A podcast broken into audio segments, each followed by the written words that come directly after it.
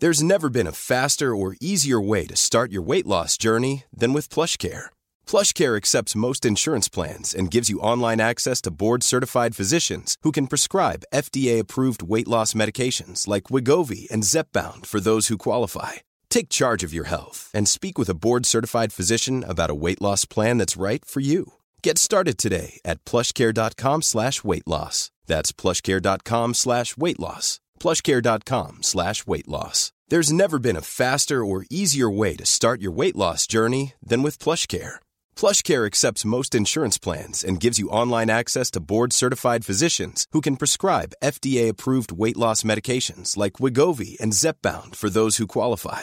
Take charge of your health and speak with a board-certified physician about a weight loss plan that's right for you. Get started today at plushcare.com slash weight loss. That's plushcare.com slash weight loss. plushcare.com slash weight loss. Flexibility is great. That's why there's yoga. Flexibility for your insurance coverage is great too. That's why there's United Healthcare Insurance Plans. Underwritten by Golden Rule Insurance Company, United Healthcare Insurance Plans offer flexible, budget friendly coverage for medical, vision, dental, and more. One of these plans may be right for you if you're, say, between jobs, coming off your parents' plan, turning a side hustle into a full hustle, or even missed open enrollment. Want more flexibility? Find out more about United Healthcare Insurance Plans at uh1.com.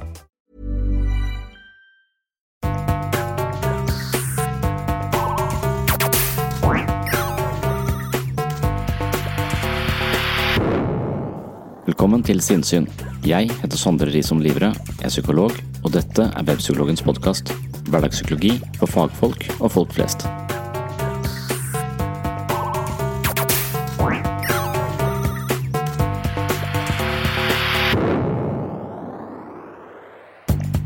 I Psykologens journal forsøker jeg å leve meg inn i perspektivet på døden, livet og ikke minst hva vi skal tenke om vår egen plass i kosmos. I denne boken setter jeg livets store spørsmål under lupen, og jeg gjør det i møte med mennesker som tenker annerledes enn meg selv, nærmere bestemt i møte med mennesker som tror på en eller annen form for Gud. Jeg har lært mye om meg selv og religion i mitt forholdsvis langvarige prosjekt hvor psykolog-ateisten forsøker å utfordre egne synspunkter gjennom deltakelse i kristenlivet. I dag har jeg mer respekt for tro, mer forståelse for tro, og jeg er ikke like ampert innstilt til en åndelig overbygning på livet. Jeg er imidlertid fortsatt jævlig forbanna på variasjoner av kristendom som åpenbart skader og utnytter mennesker i vanskelige situasjoner. Det er tema for dagens episode. Jeg skal først lese et utdrag fra Psykologens journal som handler om sjarlataner og lurendreiere. Deretter skal du få høre et utdrag fra én av mange samtaler jeg har hatt med pastor Rune Tobiassen. Vi har laget en podkast sammen hvor jeg kaster ut alle mine ateistiske innvendinger, og Rune Tobiassen gir meg svar på tiltale. Før jeg går i gang med dagens episode, stjeler jeg et utdrag fra en sang av Geir Danielsen. Den heter Gi kollekt. I bygda er fire-fem sekter, og alle har de rett hver for seg. Av staten de får sin belønning, og resten det tar de fra deg. De setter sin ære i penger, og nøder til himmels kollekt. Men når møtet er over på kvelden, ja, så fuskes med mål og med vekt. Gi kollekt, gi kollekt. La hver bøsse for Gud bli bedekt. Gi din fiende nå mens du kan. Kjøp deg fri ifra helvetes brann. De speider så spent fra sitt vindu på naboens datter og sønn. Så ringer de rundt til hverandre, sprer rykter, sladder og løgn. Bygda jeg bor i er liten, men langstrakt, vakker og skjønn. Ja, med kjerke, posthus og rimi. Over banken så prises Guds sønn. Så gi kollekt, i kollekt. La hver bøsse for Gud bli bedekt det nå mens du kan. Kjøp deg fri ifra helvetes brann. Dersom religiøs orientering bare fungerer som en slags mental hobby, er det kanskje liten grunn til bekymring, men det finnes mer subtile, skadelige konsekvenser av religion. Også blant kristne protestanter finner man eksempler på dobbeltmoral og hykleri. Spesielt i USA har mange religiøse kjendiser demonstrert total mangel på moralsk dømmekraft. Prostitusjon, narkotika og gambling har vært blant de mest omtalte skruplene blant disse. Eksempler på de falne er Jim Backer, Jimmy Swaggart og Pat Robertson. Backer er en kjent TV-evangelist som ble suspendert fra sin stilling på grunn av sexskandaler. Han ble siden dømt for økonomisk kriminalitet, fengslet og skilt. Senere giftet han seg på nytt og dukker igjen opp på TV-skjermen som en frelsende pastor. Well, I wrote this song for the Christian youth. I want to teach kids the Christian truth. If you want to reach those kids on the street, then you got to do a rap to a hip hop beat. So I gave my sermon an urban kick. My rhymes are fly, my beats are sick. My crew is big and it keeps getting bigger. That's cause Jesus Christ is my nigga. Even Satan and donkeys talk to God. Right, that's right. The only ones that probably aren't talking to God these days are some mean people in America. Mm-hmm. And people who just are anti Christ. And mm-hmm. if you don't want to hear it, just shut me off. Especially you folks that monitor me every day to try to destroy me. But just, just go away. You don't have to be there. You don't have to hear it. But one day you're going to shake your fist in God's face. Hmm.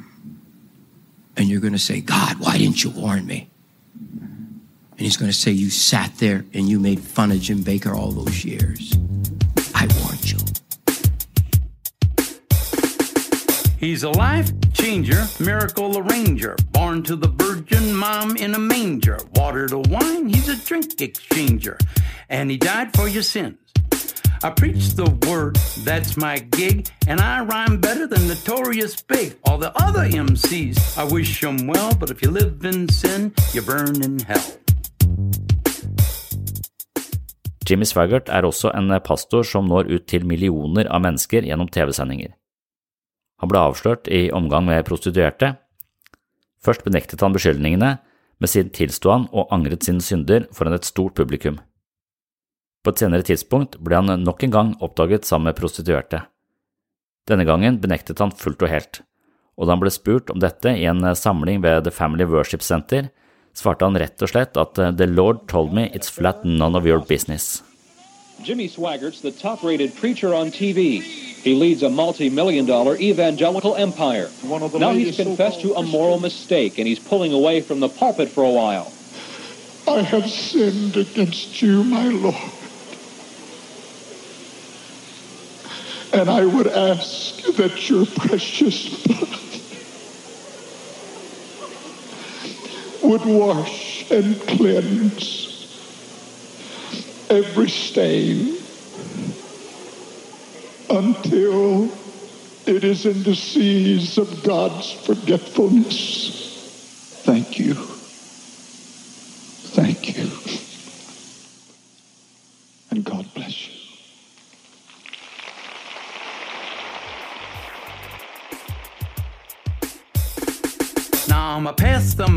My lovely wife. She's a fly MC and the light of my life. So to bust a rhyme without further ado, take it away, Mary Sue. Jesus Christ is my nigga. He's the son of the original G. And he was sent to Earth to elucidate the way that we should be. What? Like if another MC says you're a freak, you're a lame butt rapper and your rhymes are weak. I don't get mad and I don't critique. I forgive him and turn the other cheek. I don't blaspheme and I don't brag. I don't cuss. And my pants don't sag. I do exude a little Christian swag, and I'm proud to be an American. Jesus Christ is a nigga. Let his light shine through ya. Let his love pop a cap in your butt and say hallelujah. Jesus Christ is a nigga. He's a homie MC, JC, you see. He's an honest, caring, peace-loving nigga like me.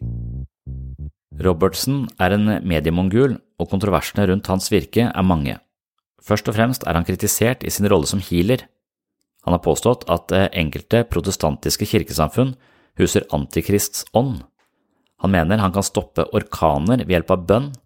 Han har fordømt hinduisme som demonisk og islam som satanisk. I tillegg fordømmer han eh, feminisme, homofili og abort. Robertson hadde også økonomiske bånd til de tidligere presidentene Charles Taylor av Liberia og Mobutu Sese Seko av Zaire. Begge er internasjonalt fordømt for sine menneskerettighetsbrudd og veldig mye mer. I Norge har vi selvfølgelig også en rekke personligheter som målbærer det kristne budskap på omstridt og kanskje direkte skadelig vis. Jan Åge Torp er pastor i den frikirkelige pinsemenigheten Oslokirken. Han er kjent for omstridte synspunkter og har sine røtter i den såkalte vekkelseskristendommen. NRK tar av og til opp eh, Torps utsagn, og blant annet ble det gjennomført en debatt om djevelutdrivelse i beste sendetid. Pastor Torp uttrykker at han har erfaring med demoner, og at han ønsker å tilby sine tjenester til både hardbarka satanister og demonbesatte personer, eller rett og slett til alle som måtte trenge en slik renselse. Han la til at eh, åndene eller demonene sannsynligvis er mindre synlige i en vestlig rasjonell tilværelse, Derfor er det vanskelig å si hva som kjennetegner manifestasjon av demoner i vår kultur. Som psykolog blir man bekymret over slike utspill, da det åpenbart representerer et problem med hensyn til differensialdiagnostikk mellom psykoselidelser og demonbesettelser. Evangelist eh, Ove Jan Ludvigsen fra Lista er en annen eh, karismatisk pastor som uten en skygge av tvil forfekter at homofile er besatt av demoner og risikerer evig fortapelse dersom de ikke omvendes. Saken var gjenstand for mye debatt da den fikk spalteplass i Fedrelandsvennen 7.06.07. Ja, det mener jeg, homofili er en ren og klar demonbesettelse. Ingen annen enn Satan kan føre mennesker inn i slike handlinger. Tydeligere får jeg ikke blitt, sier Ludvigsen, og han har sannsynligvis rett i at det er vanskelig å bli tydeligere enn det han er i denne uttalelsen. Bibelen er profetisk, ufeilbar og forutsigbar og sann. Ingen kan endre på Bibelens forutsigelser og advarslene som ligger i forutsigelsene om de ting som skal ramme verden i den siste tid, endens tid, før Herren kommer og henter menigheten. Deriblant de begivenheter som skal hende i endens tid. Det er nettopp disse råtne, perverse, djevelske og demonisk sataniske utfoldelsene i mangfold iblant mange mennesker. Vi må ha et budskap i tiden som virker, et budskap som går rett inn et budskap hvor vi kan være med og ryste det djevelske fundamentet i samfunnene våre og i vårt eget norske samfunn. Men vi ser at gudsbespottelsen og nedverdigelsen av Jesus og disiplene, og for den saks skyld de mange hellige gudsmenn og tjenere, det blir dratt ned på et lavmål som er rent uhyggelig. Vi er inne i avslutningen. Vi står rett foran Herrens komme. Vi står rett foran bedrykkelsen. Vi står rett foran trengseltiden etter bedrykkelsen. Vi nærmer oss med raske skritt, og det du trenger å vite, så er det nettopp dette at tiden er for hånden, da det blir satt en sluttstrek og et punktum med fra Herrens finger over synden og djevelens gjerninger på jorden i denne tid. Vi står rett foran et punktum fra Herrens finger på at nå er det slutt, nå er nok nok. Nå avslutter, nå avsluttes dette. Herren har full kontroll, og han står bak sitt ord. Og eh, vi skal lese litt i Bibelen. Jeg skal ikke gå inn på noe av det av de bibelsitatene som taler om homofili og lesbisk og alt dette her eh, perverse griseriet som florerer i tid. Men jeg skal gå inn på to spesielle bibelvers. Og de sier i grunnen alt. Og det sier alt når det gjelder vår kristne tale og vår kristne vandel, hvem, vel, uh, og, og, og uh, vandring og måten God hates fight. God hates fight. I en liten bygd på Sørlandet står helbredelsesevangelist Svein Magne Pedersen i spissen for Misjon Jesus Leger. Han opparbeider seg millioninntekter gjennom helbredelse over telefon. Han tjener gode penger på sine åndelige bedrifter, og det bibelske sitatet om at det er lettere for en kamel å gå gjennom et nåløye enn for en rik mann å komme inn i Guds rike, synes ikke å bekymre han nevneverdig. En annen sak som har rystet Norge i senere tid, er dokumentaren om pengepredikanten Jan Kåre Hanvold på NRK Brennpunkt i oktober 2016. Dokumentaren viser hvordan Hanvold, som blant annet driver den kristne TV-kanalen Visjon Norge, siden 2001 har samlet inn én milliard kroner.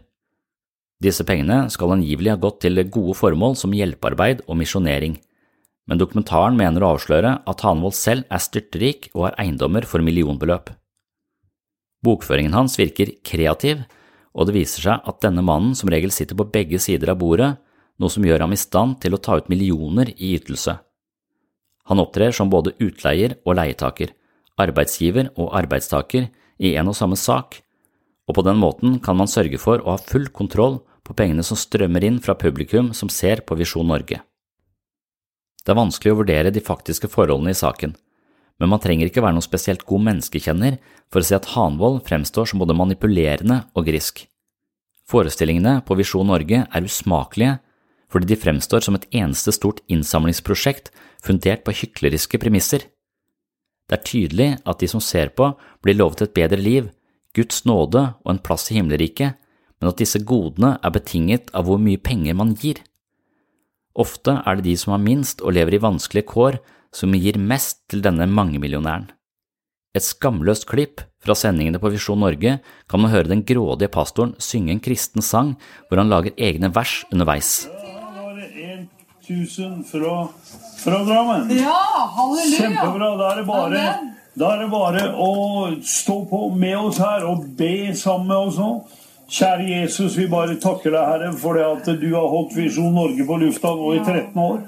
Amen. Vi er inne i det 14. året, og vi bare priser deg, Herre, for det at eh, vi forløser disse pengene her nå. I Jesu navn. Takk for dine finansengler som er ute og virker, Herre, mot da Satans engler, Mamons engler, som prøver å holde pengene tilbake eh, fra dine barn og fra de troende, og for at ditt rike skal gå fram. I Jesu navn. Vi binder det opp i kraft av blodet og Golgata-korset. Jesu Kristi navn.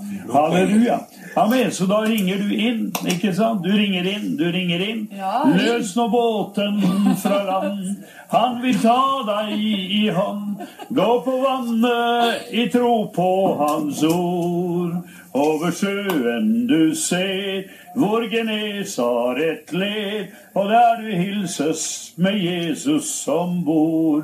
Så kjære venn, løs nå lommeboka di, jeg løser bankkontoen din. La det flyte inn i Guds rike, Hans herlighet. Så skal du se at det lønner seg å så i tro, og da skal du få oppleve guddommelig økonomi.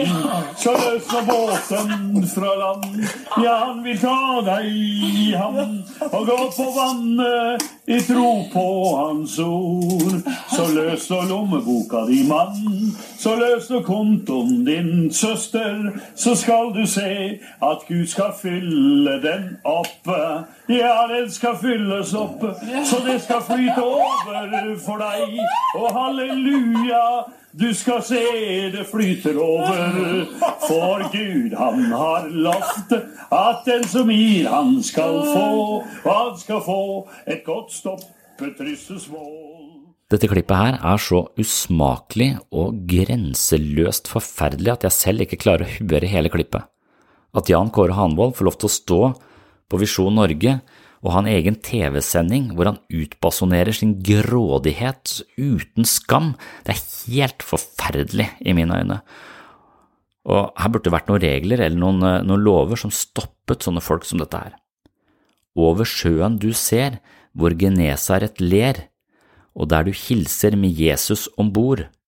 Så kjære venn, løs nå lommeboka di, ja, løs nå bankkontoen din, la det flyte inn i Guds rike, Hans herlighet, så skal du se at det lønner seg å så i tro. Og da skal du få oppleve guddommelig økonomi. Så løs nå båten fra land, ja, han vil ha deg i havn, og gå på vannet i tro på hans ord.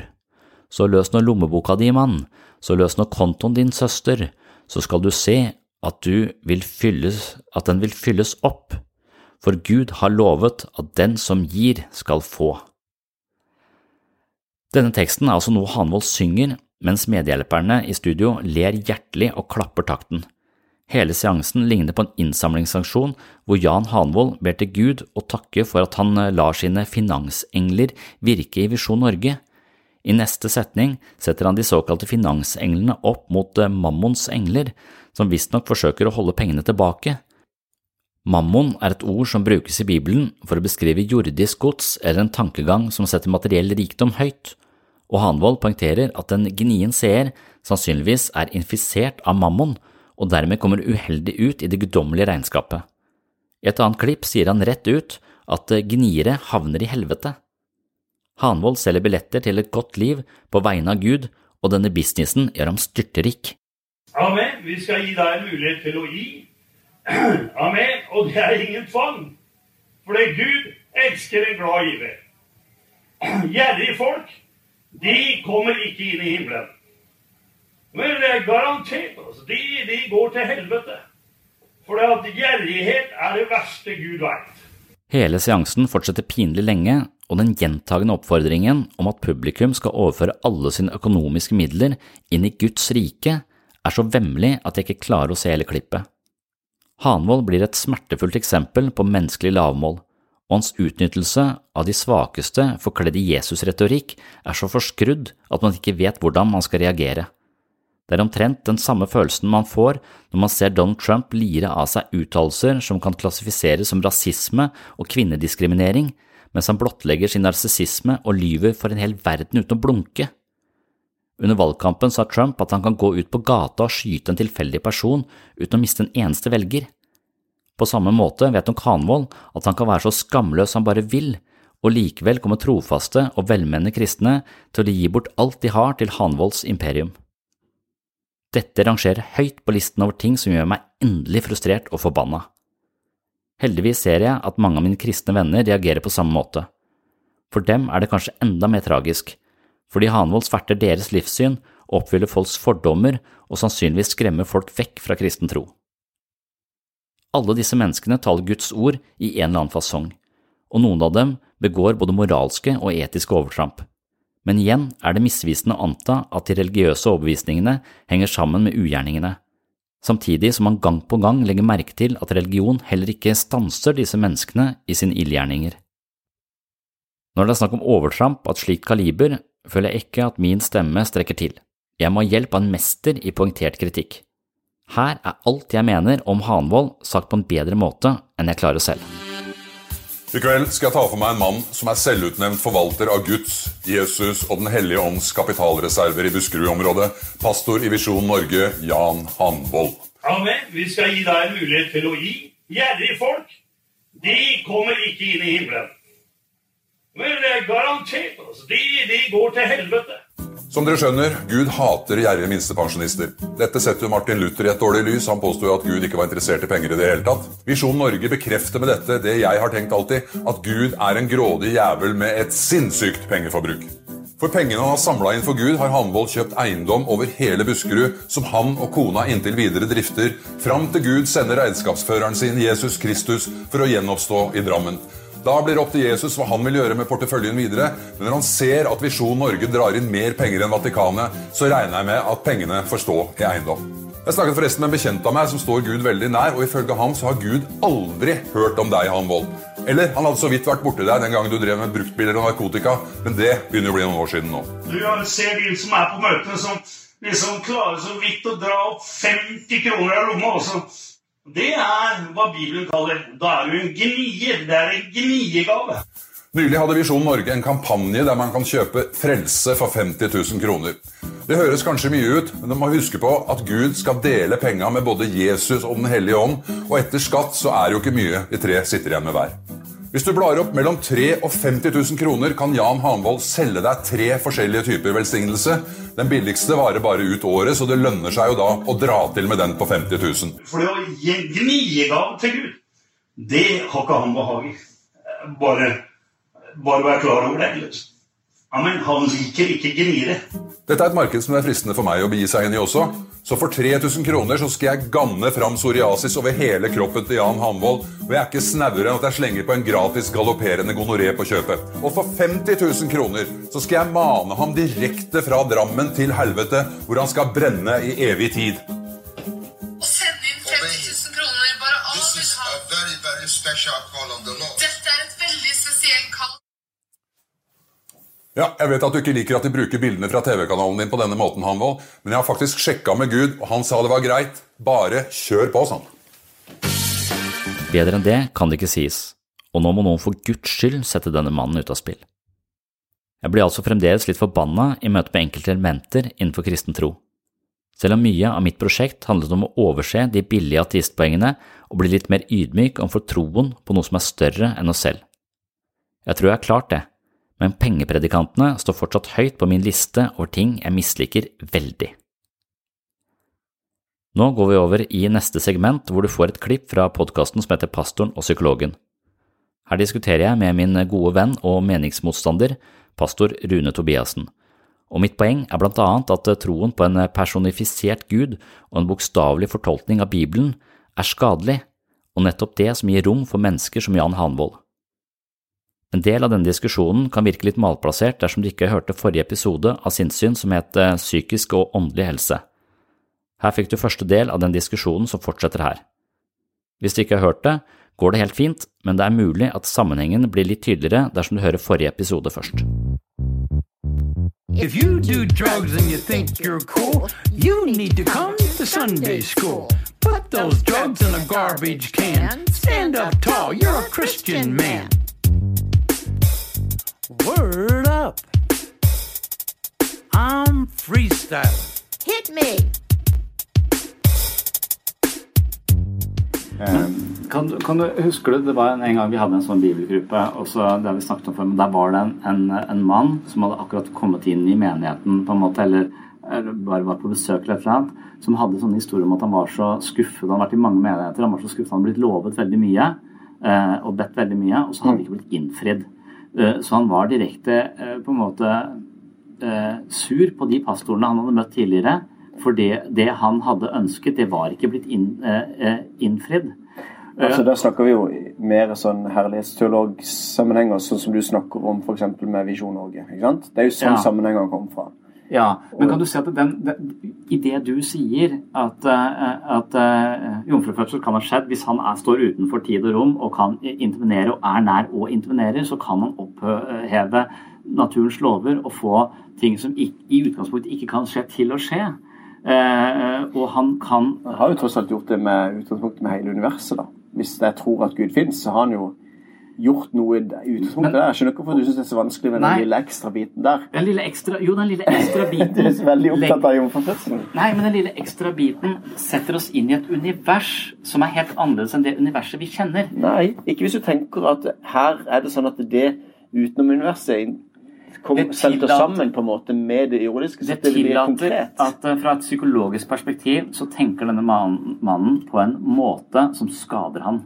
Eh, Han går rundt er et offer for en gud som ikke hører han, for pastorer som ikke hører han. Han har en forventning om at livet hans skal bli bedre hvis han ber mer osv., men han gjør ikke det som egentlig skal til for å få livet hans ikke ta eh, for at folk lærer noe som ikke nødvendigvis Men, men du gir rom for hans forståelse av, eh, av Bibelen. For du, du gir rom for at ja, ved å be og ved å, og, så, så kan uh, mirakler, uh, mirakler skje.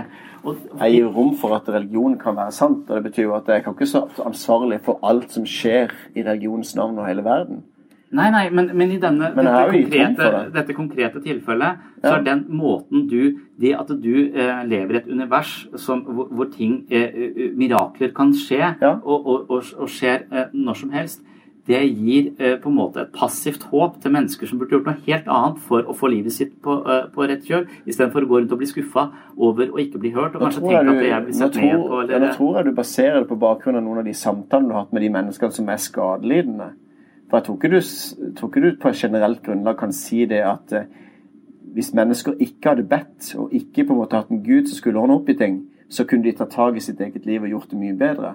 Det tror jeg er en feil uttalelse. Den tror jeg du kommer veldig kort med. Nei, jeg, jeg mener at Hvis du hadde hatt en metaforisk forståelse, og så sa jeg at ja, du kommer til meg som prest, eh, og du, eh, du ønsker deg Ja, men da kan jeg jo finne fram eventyrfortellingene Asbjørn og Moe, og så snakker vi dette, sammen om dette, og så blir det en psykolog. Det er jo det som på en måte du tenker da, at jeg skal bruke Ja, Bibelen som At du er en forvalter av, uh, av av kunnskap mennesket har klart å oppnå gjennom tidene. At du er en forvalter ja, at du er en forvalter av et system som ja, da er vi kan vokse i. da er det samme oppdrag, da. Psykolog. Vi skal hjelpe mennesker å komme videre og ikke, og ikke dø. Ja, men du har, Hvorfor skal vi ikke dø? du har en åndelig overbygning på, eh, på, på det du har, men du forholder deg ikke du forholder deg til disse, du bruker disse fortellingene som kan fungere som veiledere for mennesker. De er guddommelige fortellinger med veiledningspotensial, ikke eh, med magisk håp om at det kan skje noe hvis du bare, bare ber. For at, da, tror du på, da, da, da tror du på trollet. Men du sier at trollet har et symbol. Trollet viser deg noe. Gud har fortalt oss at Ja. vi eh, må, må tåle vår skjebne. I motgang blir vi sterkere. Eh, det som har skjedd med deg, det er eh, forferdelig, men det å være et offer for, eh, eh, for omstendighetene, eh, det, eh, det dør du av. Mens det å tåle omstendighetene, å sitte og, og skrape i sårene med et potteskår, eh, og likevel akseptere sin skjebne og, stå, og, og, fortsette å leve, det er det som har blitt fortalt oss av, av guddommelige krefter. Ja, riktig. Da, da er du psykolog. Det er forskjellen på, på altså, For det kan du gjøre. Du kan bruke Bibelen du også til å fortelle folk hvordan de kan Du kan bruke historien der. Ja. Så egentlig så kan du altså, Hva er forskjellen på det, da? Men for, Nei, jeg tror ikke, det, det er sånn jeg tenker at buddhismen har det i mye større grad. At de bruker, bruker det åndelige systemet som en slags potensial for vekst. Her er ikke du skal komme og få noen svar.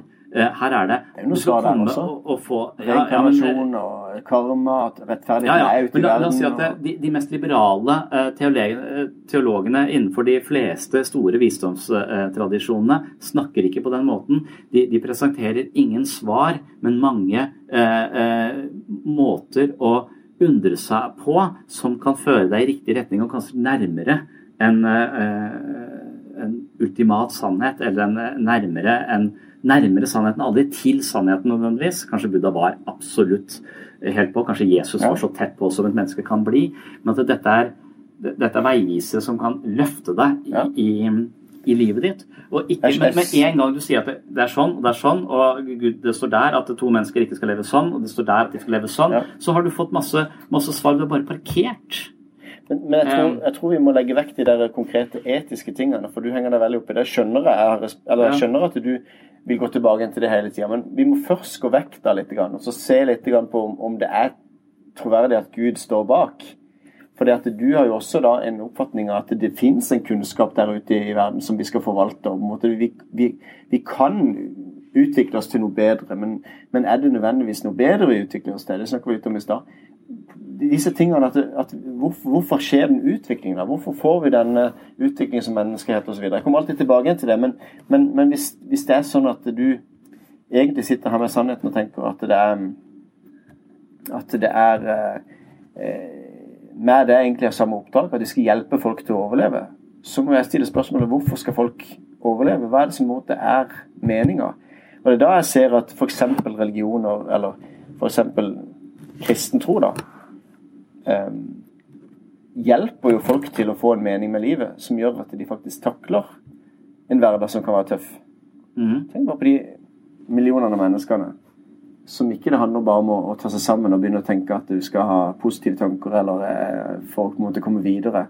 Ja, ja. Men som faktisk får perspektiv på ting og ser at dette er ikke alt. Um,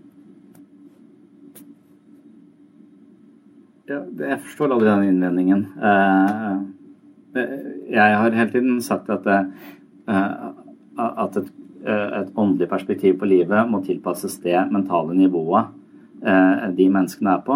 Jeg vil si at han mannen som, som var skuffa over de tidligere menighetene som ikke hadde innfridd det han ville. Han var for meg på et, på et åndelig veldig lavt nivå. Mm. Og jeg tenker at det, det å snakke til han på det nivået er din jobb.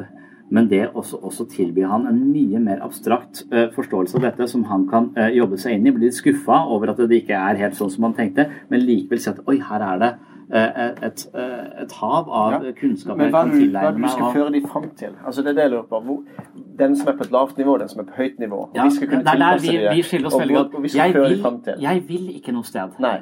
Jeg vil Men hvorfor skal du føre de fram, da? Hvorfor kan de ikke bare ta livet av seg? jo, nei, jeg tenkte det, vi... det er bare det er bare, det er bare unødvendig. Altså på en måte Hvis de måte opptar ressurser i samfunnet og egentlig ikke har forstått noen ting, og på en måte lavt, lavt nivå eller et eller annet sånt, kan vi ikke bare ta kvitte oss med dem da? Hva er poenget med hvor er, hvor, Hvorfor skal du føre dem videre? Hvor er det videre enn? Hva er målet? Eh, målet er eh, at vi skal ha det bedre. Det er liksom sånn ja, hvorfor, hvor, hvorfor, spiser du, hvorfor, spiser du, ikke bare bark eh, når du kunne overlevd på det? Og hvorfor spiser du eh, kjøttkaker i brun saus? Fordi kjøttkaker i brun saus smaker bedre. De gir en bedre følelse. Potensialet Jeg tenker at det, det, Så det er om å gjøre å ha best, mest mulig lykke eller nei, følelse? Ikke mest mulig, eller, mulig lykke, kanskje mest mulig ulykke. Jeg tror at ulykke har dårlig rykte, eller negativ følelse og dårlig rykte. Jeg tror at det også det å erfare livet, spille på flere strenger, mer ulykke, mer lykke, altså orke å føle mer, orke å forstå mer, det er vekst og utvikling. Og det gir meningsfulle livsspill i den tiden vi har tildelt. Så hvorfor skal du ha eh, Hvorfor skal du leve et meningsfullt liv når du har fått eh, 80 år å leve på? For det, det gjør deg til et bedre medmenneske. Ja, det er bedre enn å ikke ha det. Ja, jeg skjønner det. Og dermed så er et system som gir meg masse Det er sånn og sånn og sånn, lev sånn og sånn og sånn. Det er eh, Det avstumper det prosjektet jeg ønsker, og som jeg mener mennesket har potensial til å, å, bevege seg. For dette med en gang du tror det er noen svar, du skal fram til et sted. Jeg tenker vi skal ingen steder. Vi skal bare bevege uh, oss. Kanskje, kanskje jeg blir en litt bedre person der. Kanskje jeg har litt mer medfølelse. Kanskje litt mer varme med de som er rundt meg. Kanskje, kanskje litt ja, Er det en evaluering etterpå, da? Eller er det bare sånn at det, du opplevde den lille tida du levde, så opplevde du, opplevde du det bedre. Ja, og jeg kanskje, Eller er det noen evaluering står... etterpå? Når vi er ferdig, så er det på en måte en evaluering. Du får karakteren seks av ti. Du fikk et veldig dårlig utgangspunkt, men du klarte ja. å jobbe deg oppover. og det, Derfor så får du litt ekstra kred, så at du kommer opp på en karakter ni. Nei, det, det, det å tro at man skal gjøre dette for å få en evaluering eh, eh på, på, slutten, er helt fremmed tanke. Eh, men du evaluerer alt, alt Alt annet i livet evaluerer du. Jeg... Kjøttkakene, barken, det evaluerer du. Du evaluerer det til bedre ja, jeg eller ikke? Ev evaluerer det, skal ikke evalueres. evaluerer det selv. Jeg tenker at min oppgave kan være Jeg tenker at religion har potensial til å være et meningsfullt metaspill så lenge det ikke spiller med ludoregler. For ludo blir vi lei av. Så, så, hvis vi klarer å skape et åndelig system som gir folk muligheten til vekst, vekst bort fra sånne konkrete ideer om at ja, når jeg ikke, eh, pastoren kan gi meg det eller ikke bedt nok, så, så, får jeg det ikke eh, som jeg vil. Hva er han imot meg? Altså, all det, all det, det, Nå er det på disse som har blitt skadelidende. Ja, men, ja, men de, de, de, mm. det, spillet der sånn, eller det, spillet som får det, stagnerer det potensialet. Så et metaspill handler om vitenskap er metaspill, ja. religion er metaspill, ja. kunst er metaspill. Det handler om bevegelse, det handler om å være kreativ, det handler om å skape noe. Det handler om å, uh, om, å kultivere sitt indre liv, kontra det å bare få noe mer, be noe mer, eller bli, leve så godt at jeg blir evaluert. Og bli evaluert etterpå gjør livet om til et objektspill. Ja. Du skal bare leve for å bli evaluert av en eller annen. Hæ? Du, fremstiller det når du sier det, så fremstiller du det ene som veldig sånn, fint og ja, flott, du kan utvikle det, og så videre, og så har du de andre som mener sånn og sånn, og så snakker du på en måte som religion Nei, nei, nå misforstår du det, Rune. Jeg mener at det, verden styrt av kapitalisme er full av destruktive objektspill som gjør at vi hele tiden føler oss i underskudd og prøver å karre til oss noe mer, så vi blir egoistiske og egosentriske, og det er det dårligste livet har å tilby. Og det å be for å komme og bli evaluert, eller leve godt for å bli evaluert der framme, det gjør religion om til et objektspill, og et objektspill gir muligens forskning viser at objektspill gir ikke mennesket den beste mulige livskvaliteten tilgjengelig. Men et metaspill som ikke har noe sånt absolutte Du kommer ikke i mål noe sted. Det er selve reisen som er målet. det, det å komme dypere, lenger, se mer, Men det du sier, at reisen er selve målet, det er også en konklusjon å komme fram til. At det er ikke målet, men det er reisen som er målet. Og det er jo også et mål. Ja, men Jeg skjønner ikke at du ikke ser den. Ja, men jeg, jeg, jeg mener at det er dårlig, bedre og dårligere måter å leve på. Jeg mener at det, det å leve som Hvordan kan du si det at noe er bedre enn noe annet? Er ikke det bare øyet som ser? Nei, for det kan du måle på øh, stresshormoner i kroppen din. Uh, hvis du går rundt med uh, dobbelt så mye stresshormoner i kroppen din som naboen din gjør, og du hele tiden bekymrer deg over alt mulig og har vondt i magen, og, og sånn, så vil jeg si at det, objektivt sett så er det en dårligere måte å leve på enn eh, naboen din, som er tilfreds i livet, eh, eh, kanskje tror på noe så større enn seg selv, leser og undersøker dette og beveger seg. Han har en annen ro, han lever bedre, han er mer eh, empatisk overfor barna sine fordi han har overskudd til det. Så den måten du lever på der, den anser jeg som uhensiktsmessig for deg. Jeg tror du har et potensial til en annen måte å leve på, som objektivt sett er bedre. så jeg synes det er så rart at det, Jeg skjønner ikke hvorfor du skal si ja, Hvordan skal du vite hva som er bedre og dårligere? Det er lett å se på et menneske om det har det bra eller dårlig. Ja, men f.eks. uvitenhet er lykke. Så kan jeg gjerne si at de som på en måte ikke vet, det kan godt være at de, de på en måte har det veldig greit i sin snevre forståelse av livet. Og så vil det faktisk være sånn at da tenker du i utgangspunktet at nei, du utvikler ikke deg sjøl. Så du har ikke skjønt at det, at det, det, det finnes et bedre liv for deg. Ikke sant? Du må Ja. skjønne det. Ja. Mens de egentlig, sånn sett i forhold til stresshormon og lykke og hva det måtte være, vi skal jo utvikle oss hele tida i samfunnet, Ja, ja. da. så egentlig har vi det bedre enn de hadde for, for, eh, for 2000 år siden, for å si det sånn, da. Hvor det kanskje Jeg ikke var så mye stresshormoner. for to uh, Ja, men jeg, jeg tror at vi får stresshormoner. masse stresshormoner. Det er sikkert ikke så mye stresshormon på mange Sikkert en del krig og sånn som gjorde det vanskelig. Ja, jeg, jeg tror det men- var ganske mye stresshormoner og, og, og sånn. Nei, men jeg, det, det, vi har en uh, uh, jeg, jeg tror at det, det å Altså, små barn de elsker å undersøke verden, de elsker å leke med den, undersøke hvor de er hen. Og denne, denne drivkraften der til å undersøke og manipulere verden og hoppe på den og sykle på den, det, det er, det er liksom livsnerven. Eh, og den bør vi opprettholde. Det, også, det, også, det også lande på å si at nå er jeg tenkt ferdig, nå vet jeg alt, nå trenger jeg ikke å vite noe mer. Hvem har gjort det? Hvem sier det? Nei, nei, det er det altså, Hvordan skal du vite at det å bevege seg er, er viktig? Jeg tror at det, det kan godt være at du sitter på et sted i livet som er ganske komfortabelt og bra for deg, og du kan være fornøyd med det. Men det er ikke dermed sagt at det ikke finnes måter og perspektiver å leve på Nei, som kan er involvere. Og da har du Men da sier du at målet er å være underveis. Ja. Og da har du også et mål. For da, da, må jeg, da må jeg skjønne at målet med livet er ikke å ha et mål her framme. Målet er det å være underveis. Ja. Men hvorfor men, skal det være et mål? Uansett hva jeg sier, så kan du si det, ikke sant? Uansett hva jeg sier, så kan du si det Nei, der. uansett så sier du homofili hvis det er noe annet. Så det er jo Ja, ja men, men så, så uansett, hvis jeg, eh, hvis jeg prøver å si at det, her er det en horisont, ingen absolutter, bare masse muligheter, mange veier. Ja. Og så sier du ja, men da sier du at det er eh, eh, mange veier, og det er noe annet enn bare én vei. Nei, det er ikke det jeg sier. Men da sier du at da har vi blitt til av ingenting.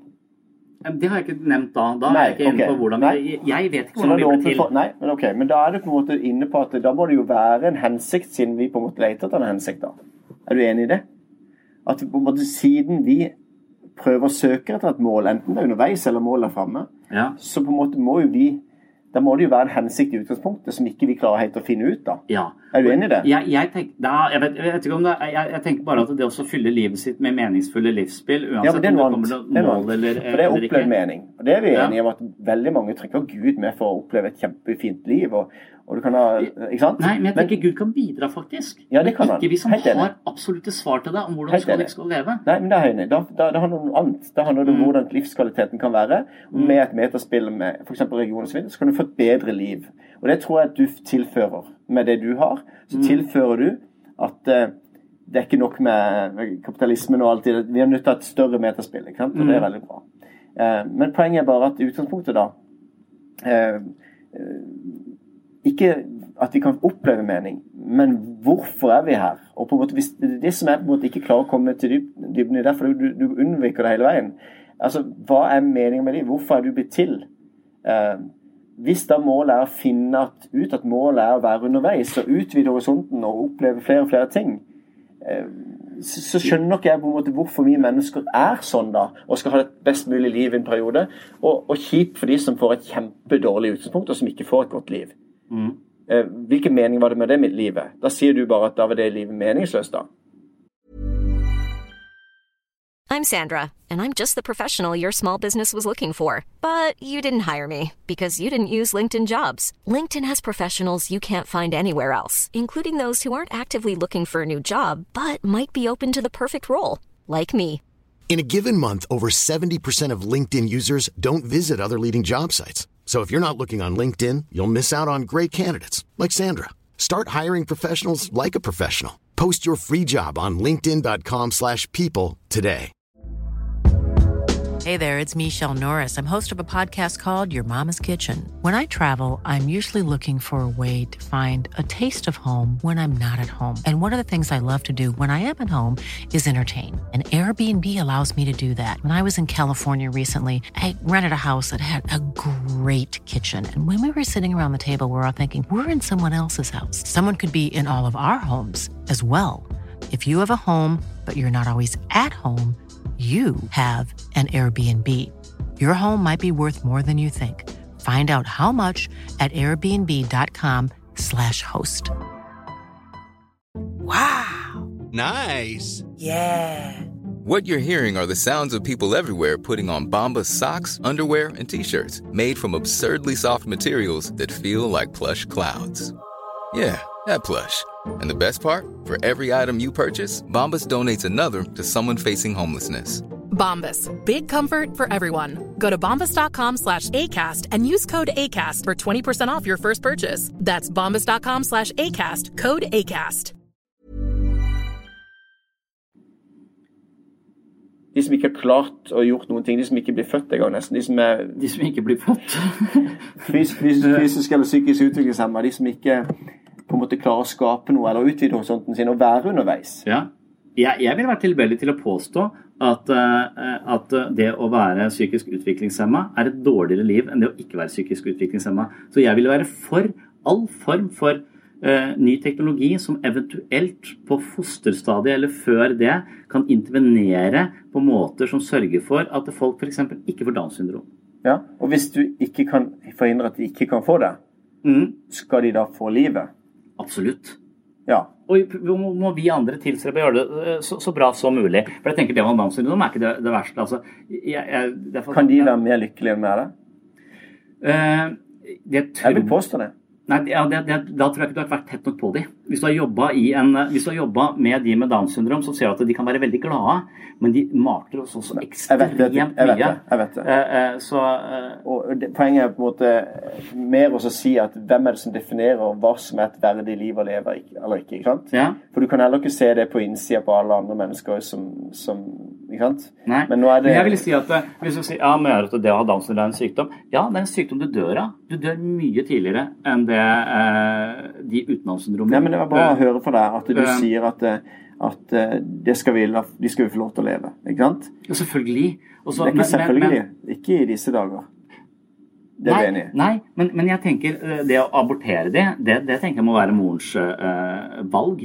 Uh, men hvis du plutselig får en teknologi som allerede i mange sier Oi, her er det uh, ja, et ekstra kromosom. Dette kan vi med vår nye genteknologi redigere Mm.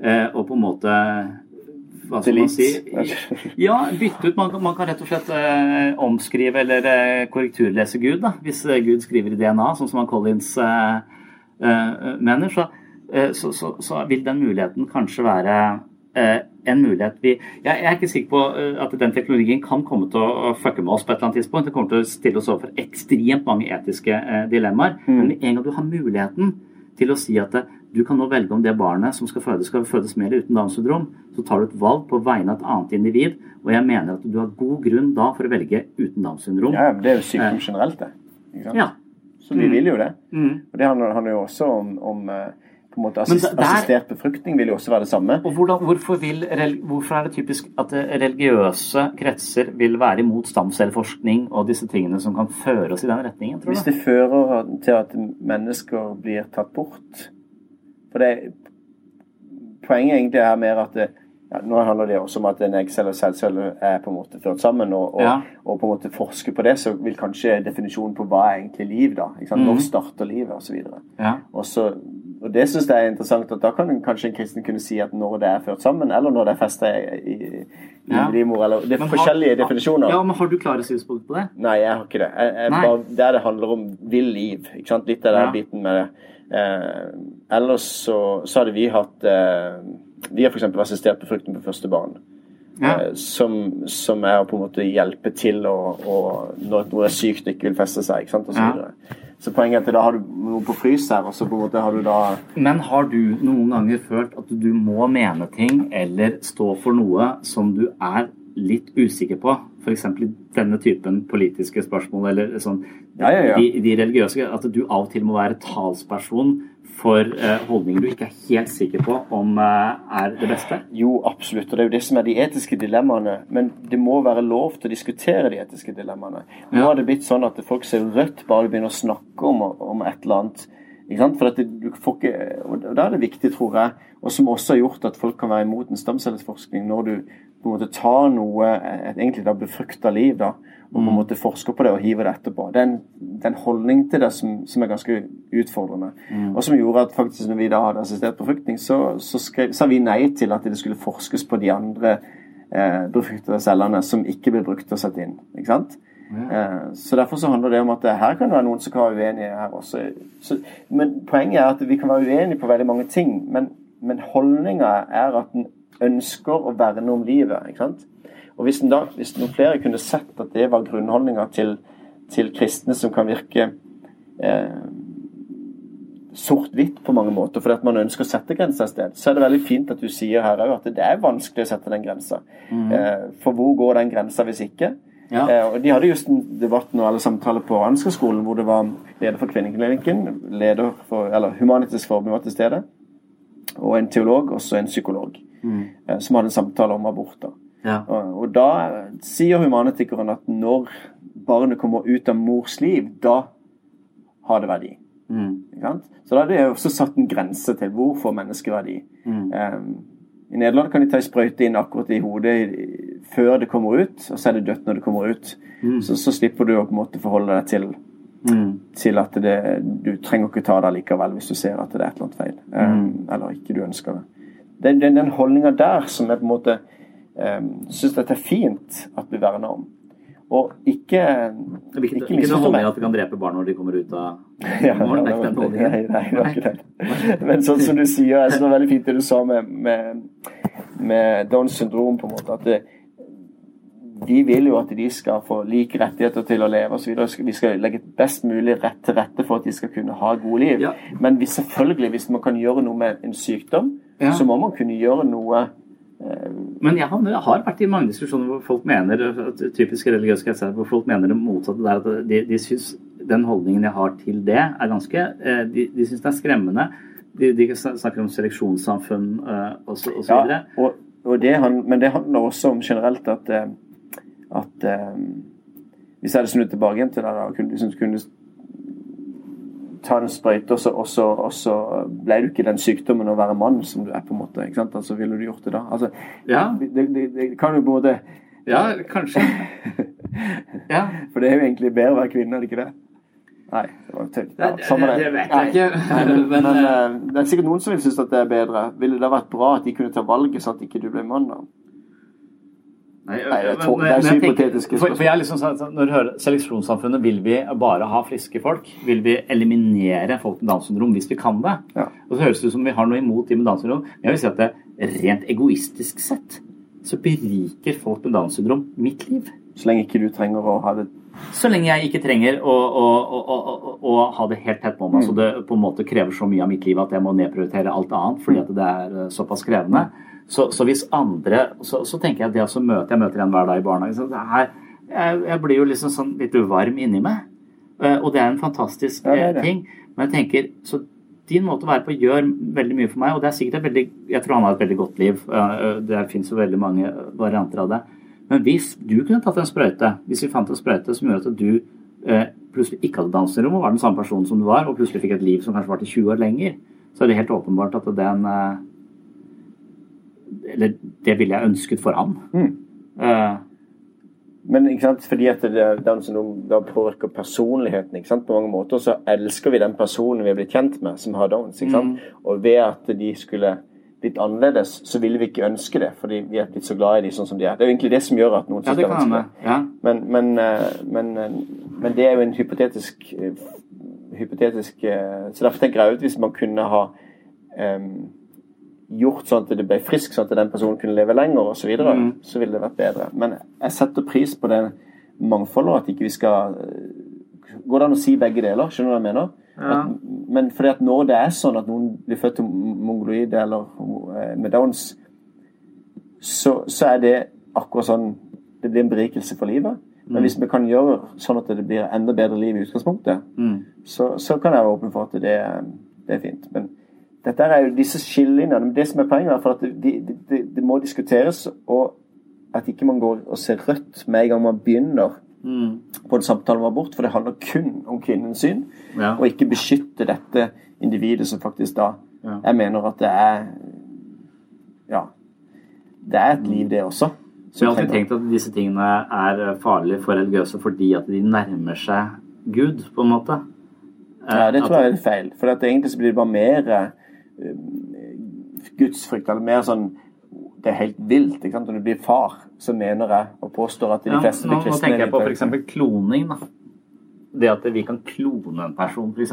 Mm. Det virker som om det er nesten vi som er ingeniøren bak dette mennesket. Ja. Nå kloner vi ikke mennesker, da, men, men, men, men, eh, Men hvorfor skal vi ikke det, da? Hæ? Hvorfor skal vi ikke det, da? Nei, jeg er usikker på Jeg har ikke noe argument for hvorfor vi ikke skal gjøre det. Hvis vi har funnet en type Eller ulempen er at det må få folk som er helt like. da Det er vanskelig å se forskjell på dem, men det har vi jo for tvillinger allerede.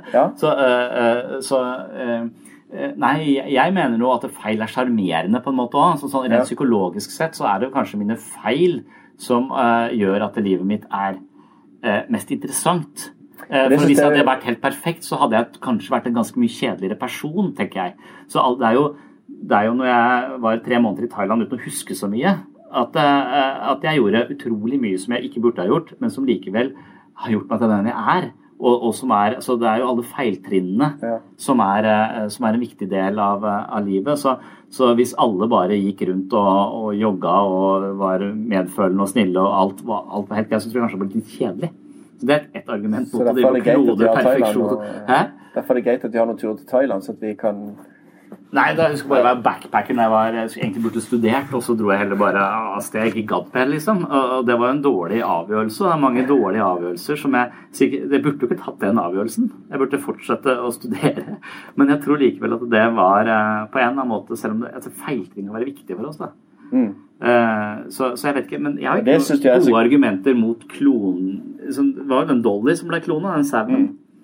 Um, men den døde vel eh, ganske eh, eh, Ja, så, så jeg, jeg har ikke noe sånn Men jeg, jeg bare tenker at det ville være farlig fra et religiøst hold, fordi at du, du, du, du inntar litt den rollen som man tenker at skaperverket er ikke opp til oss, da.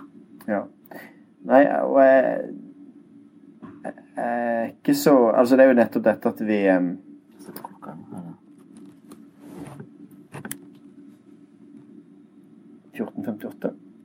«1458». Ja. Men uh, um, Nei, jeg, jeg tenker mer at det handler om at, at uh, man skal ha respekt for at, at uh, altså, det er et unikt menneske som, som er satt sammen av mor og far, og så vil jo det skje i, i en av tvillinger osv. At det, Mm. Så, så jeg tror ikke Gud går inn og så på en måte sier at nå, nå ville jeg at dette mennesket skulle bli født, og da kan vi ikke få ett til. ikke sant? Det er jo på en måte satt i gang en reproduksjon som, som, som går sin gang. Men det er bare det er, Jeg syns det er veldig fint å tenke på at eh, ethvert menneske er uendelig verdifullt. Og denne reisen på en måte å være underveis for å kunne utfordre og, og utfordre seg og vokse som menneske det, det kan også godt være at det er en sånn vestlig måte å se livet på. Hvor det på en måte er kanskje totalt meningsløse liv som, eh, som finnes rundt om i verden. Eh, fordi at ikke de ja, Kanskje de er født inn i forferdelige forhold og opplever at de på en måte ikke har noen mulighet for å utvikle seg i det hele tatt. Ikke sant? De er i, i mørket og kommer aldri til å se lyset. Eh, så så skjønner jeg at det er reisen underveis som skal på en måte være selve målet. Da Da tror jeg, da vil jeg heller kunne fortelle at det, Jeg tror ikke det var ment å være sånn. Jeg tror ja, de er elska, de er verdifulle. De, vi trenger å ta vare på de, vi trenger å bry oss om de. Og så finnes det en rettferdighet. Ikke i karma, som at det vil skje hvis du gjør noe galt, så vil det komme tilbake igjen til det rett etterpå. Jeg tror ikke rettferdigheten finnes i universet, men jeg tror, jeg tror rettferdigheten at det finnes en, en, som er rettferdig, som, som står bak alt. da.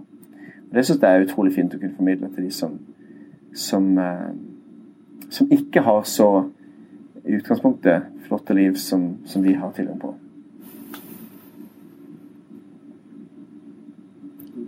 Så det er en slags trøst om at det kommer noe eh, når du blir ferdig med dette livet? Det er ikke noe trøst hvis ikke det er sant. Poenget er at jeg tror det er sant, og da blir det en trøst. Men, men det er egentlig en, en, en, eh, et perspektiv som gjør at det, også det vonde Egentlig mange av de tingene som du også har, på den måten at du faktisk verdsetter noe av de vanskelige tingene.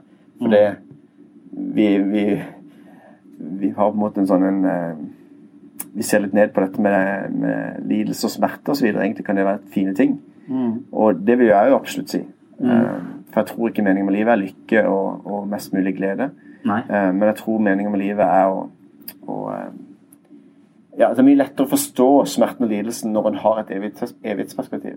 Mm. Når noen opplever bare ren og skjær urettferdighet i livet, så er det fantastisk å kunne formidle at jeg tror det vil være en rettferdighet en dag. Um, at ikke det bare skal være um, shit happens. Synd for deg. Du fikk litt dårligere kort på hånda enn det jeg gjorde. Mm. Um, ja, det, det er noe dritt med, med reinkarnasjon og, og sånn i den forstand at, at du blir eh, utestengt pga. medfødte skavanker, eventuelt, og at de Mm. forstår det som din egen feil, da, eh, Ja. som, som er ulempen. eller at du er født i laveste kast, eller kastløs, Ja. ikke sant, og så. Så, så det, der er vi jo ganske enige at det er et dårlig system. Så jeg syns du ikke det passer inn, altså den måten Buddhismen har noen elementer, Ja, men det ja, er ja. ja. Det er masse elementer i alle religiøse systemer som ikke er eh, Men men jeg tenker også at det finnes elementer i religiøse systemer som kan være veldig bra. Eh, og at de er på Jeg ser på religion på samme måte som jeg ser på alle andre egenskaper ved mennesket. Eh, og jeg er villig til å se på åndelighet som en slags egen utviklingslinje. Sånn at jeg ser at vi kan eh, Jeg, jeg, jeg kan gjøre ting jeg jeg, Michael Jordan er guddommelig god i basketball. Men han kanskje og, og Hitler var kognitivt veldig høyt oppe, men han var moralsk veldig lavt nede.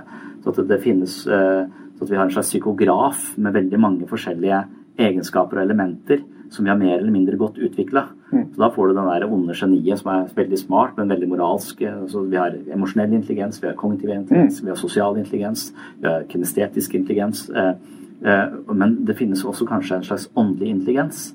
Eh, Så, så at åndelighet er noe som vi også kan utvikle på samme måte som vi kan ved, ved fotball. Og det å være så middelmodig i fotball, det, da du, spiller du ofte fotball fordi det er et godt samhold i laget, f.eks. Det, er det er de sosiale aspektene. Men, men hvis du virkelig spiller eh, sjakk eh, på Magnus Carlsen-nivå, så er dette noe som virkelig tilfredsstiller deg, fordi at du har perfeksjonert denne, denne utviklingslinja eh, eh, på en sånn måte at du blir åndelig Det åpner seg rom i dette spillet som ikke er det for noen av oss andre, for vi er ikke så høyt oppe, vi er ikke opplyste på, på samme måte. At, det, at det er muligheter, at det er også en slags meningsbærende ting i livet vårt. At vi kan se på disse linjene og komme høy, mer eller mindre høyt opp på de. Og da, da kan man si at ja, Hvis du er født i forferdelige kår, så er det uh, umulig. Men det kan nok kanskje være linjer her som likevel er tilgjengelige eh, eh, for deg, men vanskeligere tilgjengelig, selvfølgelig. Og det er der jeg mener at du også kan bli uh, Det er en sånn fader Thomas Keating. Har du hørt det navnet? The Mystic Heart. Eh, eh, eh, et sånt intervju med han jeg så en gang. og tenkte at det, dette er det mest fantastiske spirituelle mennesket jeg har sett. Han er vel katolikk. Og så alt det han sier, forstår jeg nesten, men nesten ikke. Og så hørte jeg på det gang på gang på gang. på gang. Jeg fortsatt ikke forstått, men det var sånn at det bevegde meg i en annen retning. Det tok meg eh, videre. Det ga meg en sånn annen, annen ro. Og han ga meg ingen svar, eller noe sånt, men jeg tenker at det, å, han har en spirituell høy intelligens, tenkte jeg. Ja. Eh, Men det, det vil jo sånn, være jeg... noe som man faller ned på likevel, noe som må være sant? Eller bare tenker du at det er Jeg skjønner ikke Men er ikke, jeg tenker at det er trikset til Jordan Peterson, f.eks. Altså, jeg tror ikke han er noe guddommelig, men eh, for han tror jeg er sånn, kanskje er sånn Han tror at noe er sant. Ja, men han nekter å svare på det. Eh, han sier uh, som, 'Jeg tror du Gud fins'. Det, det, det, det, vil han jo ikke svare på. Det. Så han unnviker alltid spørsmålet.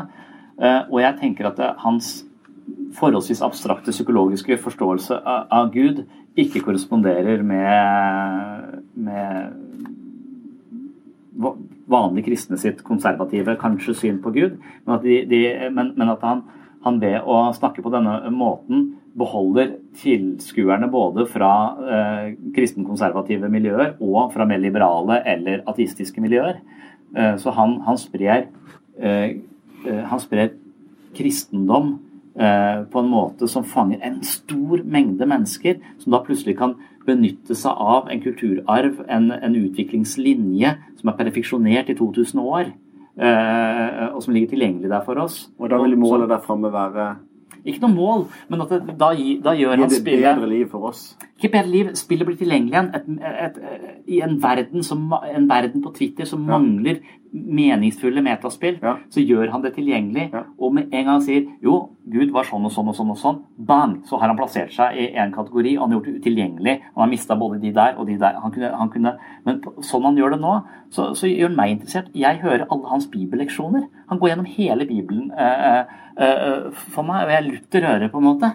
Eh, så, så, det er liksom sånn Jeg tror det er klokt med hans forholdsvis abstrakte innfallsvinkel til dette som er veldig samlende for de som har sånn hobbykristne. Så er ikke jeg, Folk sier jeg, er ikke kristen, jeg er kanskje åndelig. Jeg er ikke religiøs, men jeg er åndelig. Mm. Altså, ah, det er bla, Kanskje du kan faktisk være forankret i den tradisjonen som eksisterer.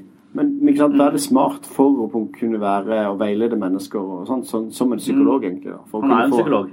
Ja. Mm, ja. Som en psykolog. Ja. Så kan du på en måte utvide bildet for folk, og så slipper de på en måte være så snevre i synet sitt. Mm. Så, så, så, er jeg med på det. At det men de kanskje, kunne ha formidla det mye videre for at flere ja. skulle få, ja. Så kanskje jeg ikke ønsker at du skal være en psykolog, men kanskje at det, det står uh, Treneren til Michael Jordan, han var basketballtrener. Uh, det som handler om uh, følelsesmessig intelligens, kognitiv intelligens, der har psykologen kanskje noen fordeler. Det som handler om kroppslig intelligens, der har fysioterapeuten noen fordeler. Det som handler om åndelig intelligens, mm. der har pastoren noen fordeler. Ja, men Kan ikke du bare ta den biten òg? Jeg, føler du gjør det, egentlig. For at du, tar liksom, du trekker det åndelige inn. Du, kan på en måte, du skal lære hvordan vi kan utvikle oss som mennesker fra de religioner som finnes, osv. Så, videre. ja. så Så hvorfor skal du ta med det åndelige? Hvorfor skal du ikke bare For du, du, du velger, vil jo bare lære hvordan du kan utvikle deg som menneske og, og, bli bedre menneske. Så egentlig så handler det jo om at ikke Gud trenger å være en del der. Da handler det jo om at man jeg, jeg tenker Du bare tar den spirituelle sida inn som psykolog, så, så, så, er det supert. Nei, men, at, men hva, ja. hva, hva, sier Jordan Peterson når han spør tror du på Gud? Uh, uh, det kan jeg ikke svare på, for det, det krever uh, minst 40 timer hvis jeg skal svare på det spørsmålet. Men jeg tror det er lurt å, å leve som om Gud eksisterer eh, i mange sammenhenger, eh, sier han. Mm. Eh, ok, hva betyr det? Ja, og så begynner han å snakke om det. Så, eh, så, så la, hvis jeg bare tenker Hvis jeg tenker at det, hva kalles jeg en agnostiker hvis jeg bare tenker muligens en, en kraft. Ikke denne personifiserte eh, eh, guden som, som du, jeg føler du presenterer, men noe mye mer abstrakt, noe man kan strekke seg imot, og du aner ikke hva som er der. Mm. Men du føler ikke det kan bli for abstrakt av og til? At, det bare blir, at du kan gå inn i ditt eget sinn og tanker, og så på en måte bare blir det en gud som du former i ditt eget sinn. Det syns jeg, ja, det synes jeg er mye, aldri... mye mer fordel med at han er så konkret. Ja, at man han, kan forholde seg til han. Han blir jo aldri noe uh, uh, han, han, kan ha vært Han vil endre ansikt etter hvert som jeg beveger meg. Ja, det er jo bare inni ditt hode, da. Da er jo Gud bare en størrelse inni ditt hode. Som ikke du trenger etter hvert, for du blir så, du blir så uh, Det handler egentlig bare om en åndelighet, mye mer enn at du trenger Gud. Ja, det kan jo hende det er eh, at denne spirituelle kraften som jeg tror kanskje er eh, med at jeg kanskje er en pantist, at dette er i, i, i, alt, og at jeg på en eller annen måte kan komme tettere på det hvis jeg utvikler min åndelige intelligens. Ja. Og, og, det er vel min nysgjerrighet. Det er vel derfor jeg også liksom søker inn mot disse miljøene for å se finnes det noe utviklingspotensial for den åndelige intelligensen min ja. som uh, kan, uh, kan, gjøre meg og, og, da er jeg ikke ute etter et spill som gir meg svar, eller jo, det var sånn, eller det var sånn, eller det var, det var sånn, da. Eh, jeg tenker, Men dere, dere har patent på et, eh, et, et utrolig verdifullt, eh, spirituelt en arv, en, en, en noe som, som, som, har eksistert i uminnelige tider, ja. med enormt potensial. Det, det, det er ikke klarer å forholde meg til en person da, som Jesus, da. Hvis han eh, gikk rundt og sa de tingene han sa om seg sjøl. For han sa mye bra, men han sa også mye spesielt, hvis det ikke skal være sant. Ja, kanskje. Ja, jeg, jeg ville være tilbøyelig til å si okay, Jeg er veien, sannheten og livet. Ingen kommer til far uten ja. ved meg. Ja. Eller at uh, For eksempel så, så, så, sier han jo egentlig indirekte at han er Gud. Han tilgir synd og andre synder osv. Så, mm. så enten så må han jo på en måte ha hatt et bilde av at han var Gud, og bare lurte seg sjøl. Eller så var han bedrager, eller så var han den han ga seg ut for å være. Ja, eller, eller, så snakket han, eh, snakket han i, uh, i, i, bilder, for han vet at det bildet treffer folk i, i, i hjertet. Han, hadde, han, har skjønt noe. Kanskje, kanskje det finnes en hvis, hvis, hvis, her er absolutt sant, og så ligger mennesket her sånn, så tilstreber vi, vi sannhet. Og så er det disse menneskene har vært tettere på enn oss andre. Uh, så ved å være så tett på og ha skjønt noe virkelig Kanskje han har kjempehøy spirituell intelligens. Uh, og, da fra det ståstedet Hvordan skal jeg Eh, eh, snakke til mennesker, så dette skal bli tilgjengelig for dem også. Eh, jo, jeg sier det på denne måten. I parabler, i, i Ja, at, at, at, han er en enorm åndelig veileder, som faktisk har vært en god åndelig veileder, ikke en, ikke en narsissist med, mm. med golomane ideer. Men det var jo rare ting han sa, da. Så så, Men det er kanskje bare noe som har tolka det feil, det som han sa. da. Nei, men det, det, det, hva, hva, han har sagt og ikke sagt, det, er, jeg, altså, det er litt sånn som med Michael Jackson-effekten. altså For mange blir dritkrenka hvis du sier at Michael Jackson er pedofil.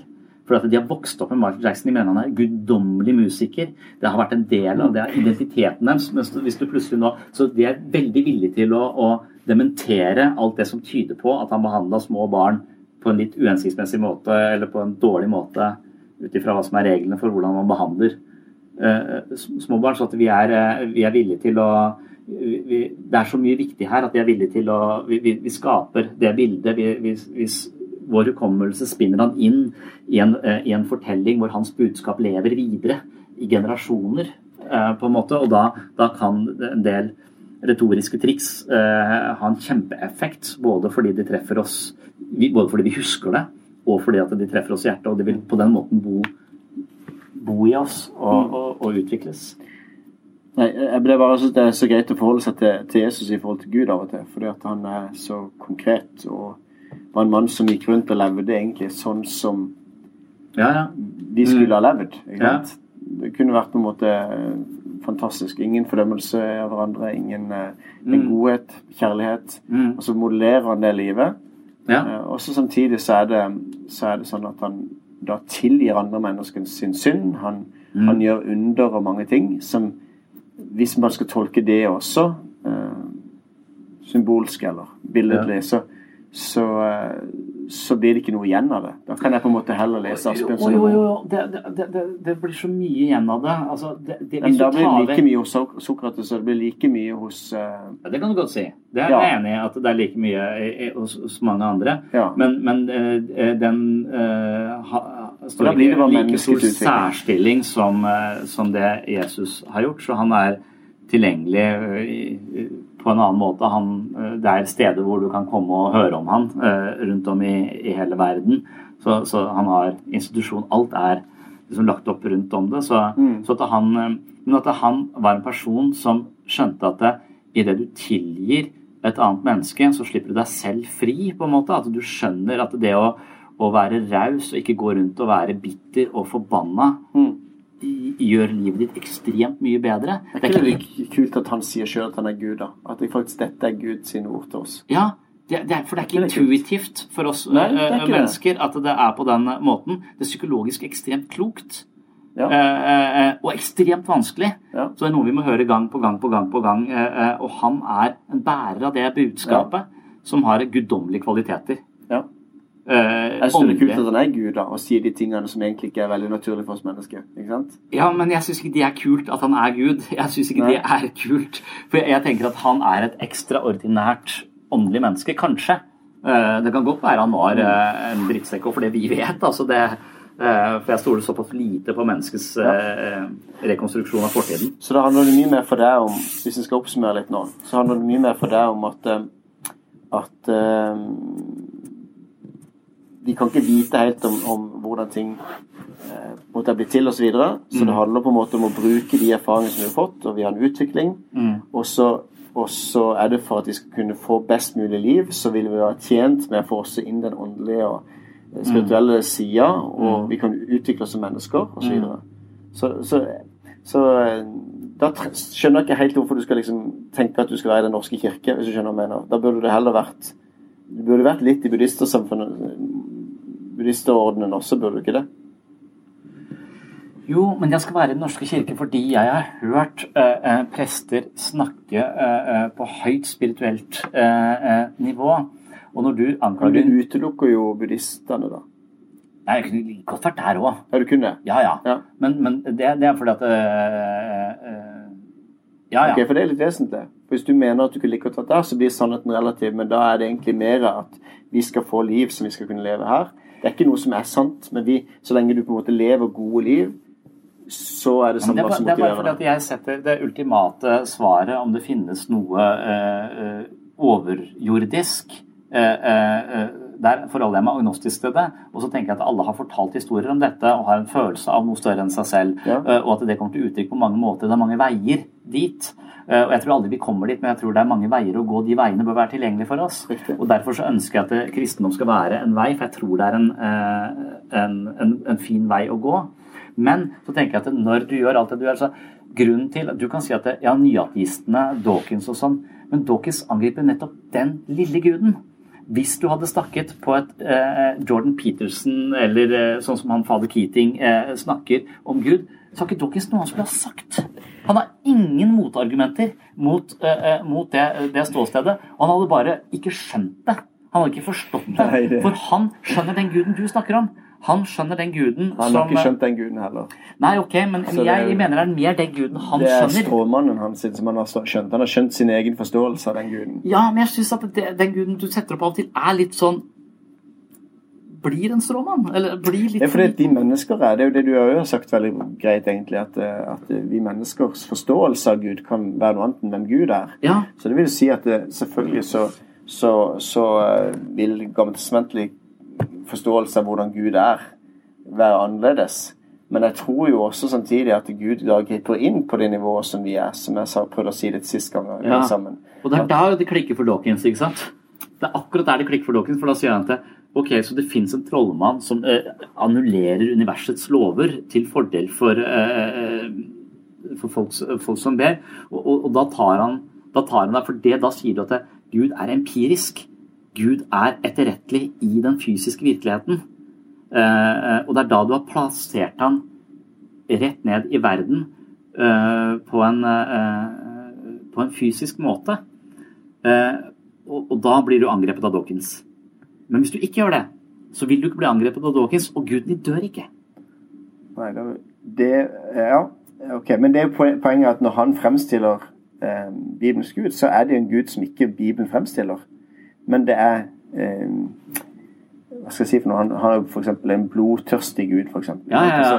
Det er jo en av de tingene som han er Ja, men det er ikke så vanskelig å få det Gud hvis du, hvis du leser bokstavelig det, det gamle testamentet. Nei, men da leses det jo en historiebok fra hvordan et folk Ja, nettopp. Ja, ja, ja. Ja.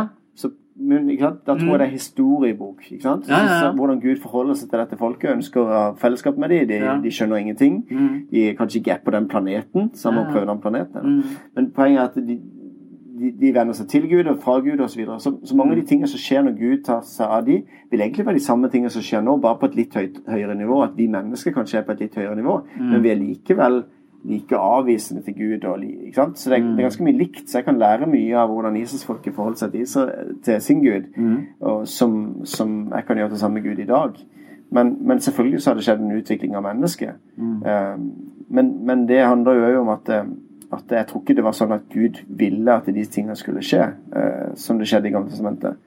Uh, men Gud eh, vil fred. ikke sant? Men for å få fred så må han kanskje stoppe de som går imot han, eller stoppe de mennesker som gjør onde ting. Er det ondt at Gud straffer det onde? Det er egentlig et sånn grunnleggende spørsmål i det ondes problem. Er det, er det, jeg tror det er godt at Gud kan stoppe det onde, da. Men, så, for, for, men, men jeg, jeg, mener at, at, Dawkins har gode argumenter når han nettopp skyter på den guden som jeg mener er den personifiserte guden som mange tror på. Det er mange som tror på den guden som Dawkins øh, øh, angriper, tror jeg. Det er i hvert fall min erfaring. Og jeg syns av og til at du også fremsetter nettopp den guden som er lett angripelig. Øh, fra, fra, det konkrete, konkrete ståstedet. Uh, og, og, når Gud har skapt uh, mennesket i sitt bilde og sånn Dawkins sin barnebok, den har jeg. Har du den? Nei. Nei. Men barneboka hans det handler jo om det er opptatt av evolusjon. Så, så det er en sånn der, uh, Dette er tippoldefaren din, dette er tipptippoldefaren din, dette er tipptippoldefaren din, og så skal du bla tilbake til din tippoldefar 185 millioner tipp-tipper oppå oldefaren.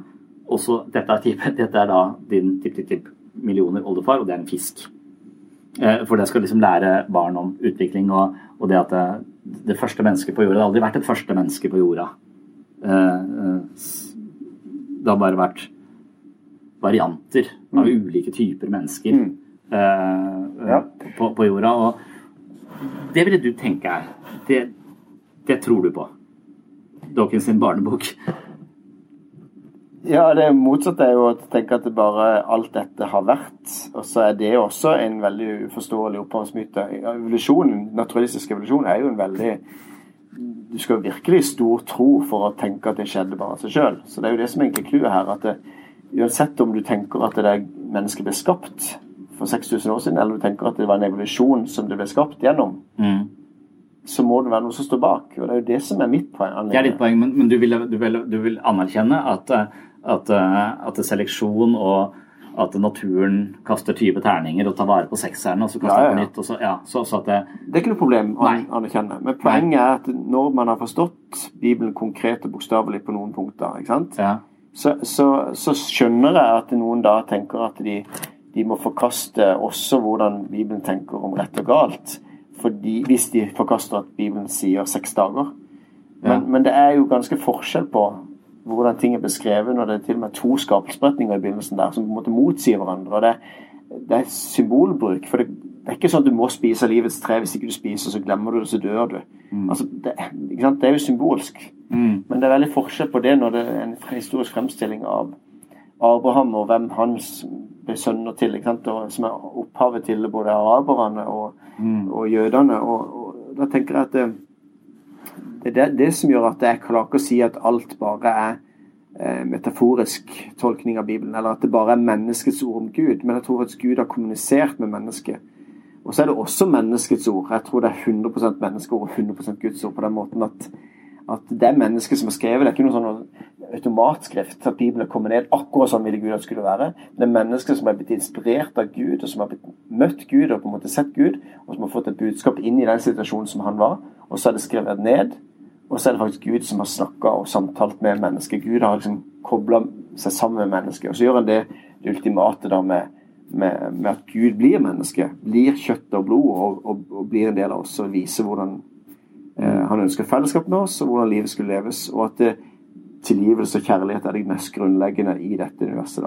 Mm. Og det synes jeg, da syns jeg det er fint at Gud er konkret. ikke sant?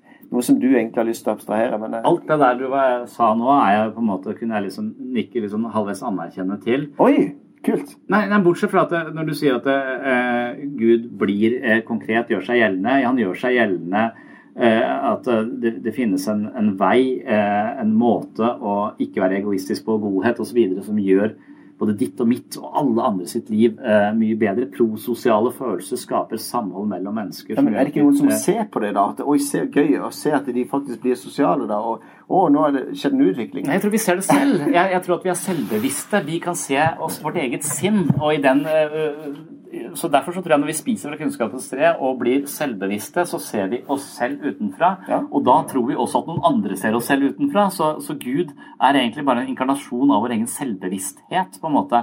Men, men, den guden du da snakker om, denne guden som er den konkrete Så, så alt det du sa, kunne jeg liksom skrive under på, uh, men jeg, jeg, jeg, ser det på det som uh, ja, så metaforisk sant. Jeg ser det som, som Jeg tror kanskje det finnes nesten sånn universelt sant. Noe av disse tingene er, er, er universelt sanne. Og om de da har et større opphav uh, utenfor, det er jeg bare da litt sånn uh, synes jeg, Det er spennende å tenke på det fra mange forskjellige vinkler. Og jo flere vinkler jeg får, kanskje det kommer litt nærmere. Tenke litt på akkurat det, og ikke gå så ned på konkrete. Men, men hvordan den Gud må eventuelt være, da. Ja. For det, det der jeg har litt, litt lyst til, og så føler jeg at jeg måtte alltid få imot det der hvordan det var med homofilt samliv eller Gamle testamentet eller et eller annet sånt. Ja, men, men, hvis, ja. Ja, men hvis vi kan få lov til å tenke filosofisk, da Fins mm. Gud? Er, er det gode argumenter for at det må være en, noe utenfor dette universet? Um, hvorfor er vi til og ikke Altså, Jeg syns det har vært litt gøy å bruke litt tid på. Mm. Og ikke Ja. Nå må vi hente i barnehagen. Lykke til. What songs do you sing to kids at an atheist church? Like, no one loves the little children, all the children of the world. No one hears you when you cry, no one hears your lullaby, no one loves the little children of the world. Reason why, reason why we exist, but there's no reason why. Reason why, reason why we exist, but there's no reason why. A row, row, row your boat gently down the reef. Wallowing, wallowing, wallowing, wallowing in your unbelief. Let's do the rounds. Remember the rounds? I'll, no, you don't want to do that. Takk for at du hører på uh, Sinnsyn. Dette var altså et uh, klipp fra Pastoren og psykologen, som er en annen podkast som jeg har, sammen med Rune Tobiassen. Hvis du er mer interessert i uh, religion, ateisme, religionskritikk og religionsforsvar, og helt ulike perspektiver på meningen med livet, døden og hvorfor vi er akkurat her på denne planeten, så anbefaler jeg den podkasten, og så anbefaler jeg også boka jeg har skrevet som heter Psykologens journal. Og det har jeg nevnt tusenvis av ganger før, men eh, Psykologens journal den får du til best pris med gratis frakt og rask levering fra webpsykologen.no. Det er en eh, bok, en veldig personlig bok, jeg har skrevet om mitt møte med religion, jeg var i utgangspunktet veldig kritisk til eh, religion, men veldig nysgjerrig på livets store eksistensielle spørsmål. Og for å gjøre det om til et mer håndgripelig prosjekt, så tok jeg med meg mine ateistiske tilbøyeligheter inn i menighetslivet og forsøkte å leve som en eh, kristen i ganske lang tid.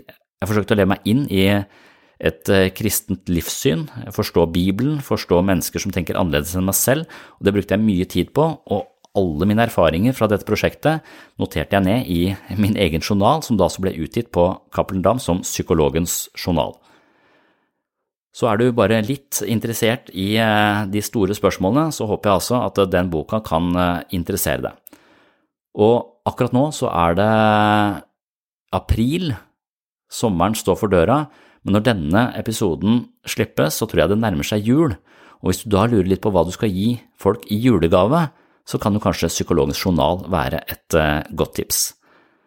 Hvis du kjøper uh, boka fra Webpsykologen, så støtter du også dette prosjektet, så hvis du liker podkasten, så er det en måte å støtte ja, både Sinnsyn og Webpsykologen på.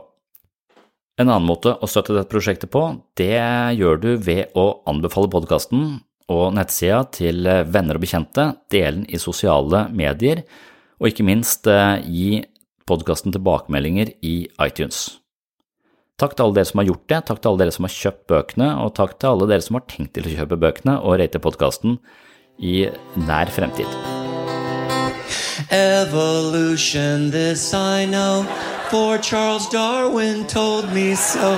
Accidentally alive, if you're weak, you won't survive. That's the logic, right? That's what they're saying. Og det var det. Neste episode håper jeg blir fri for religion og religionskritikk eller irriterende pengepredikanter. Så følg med da. På gjenhør.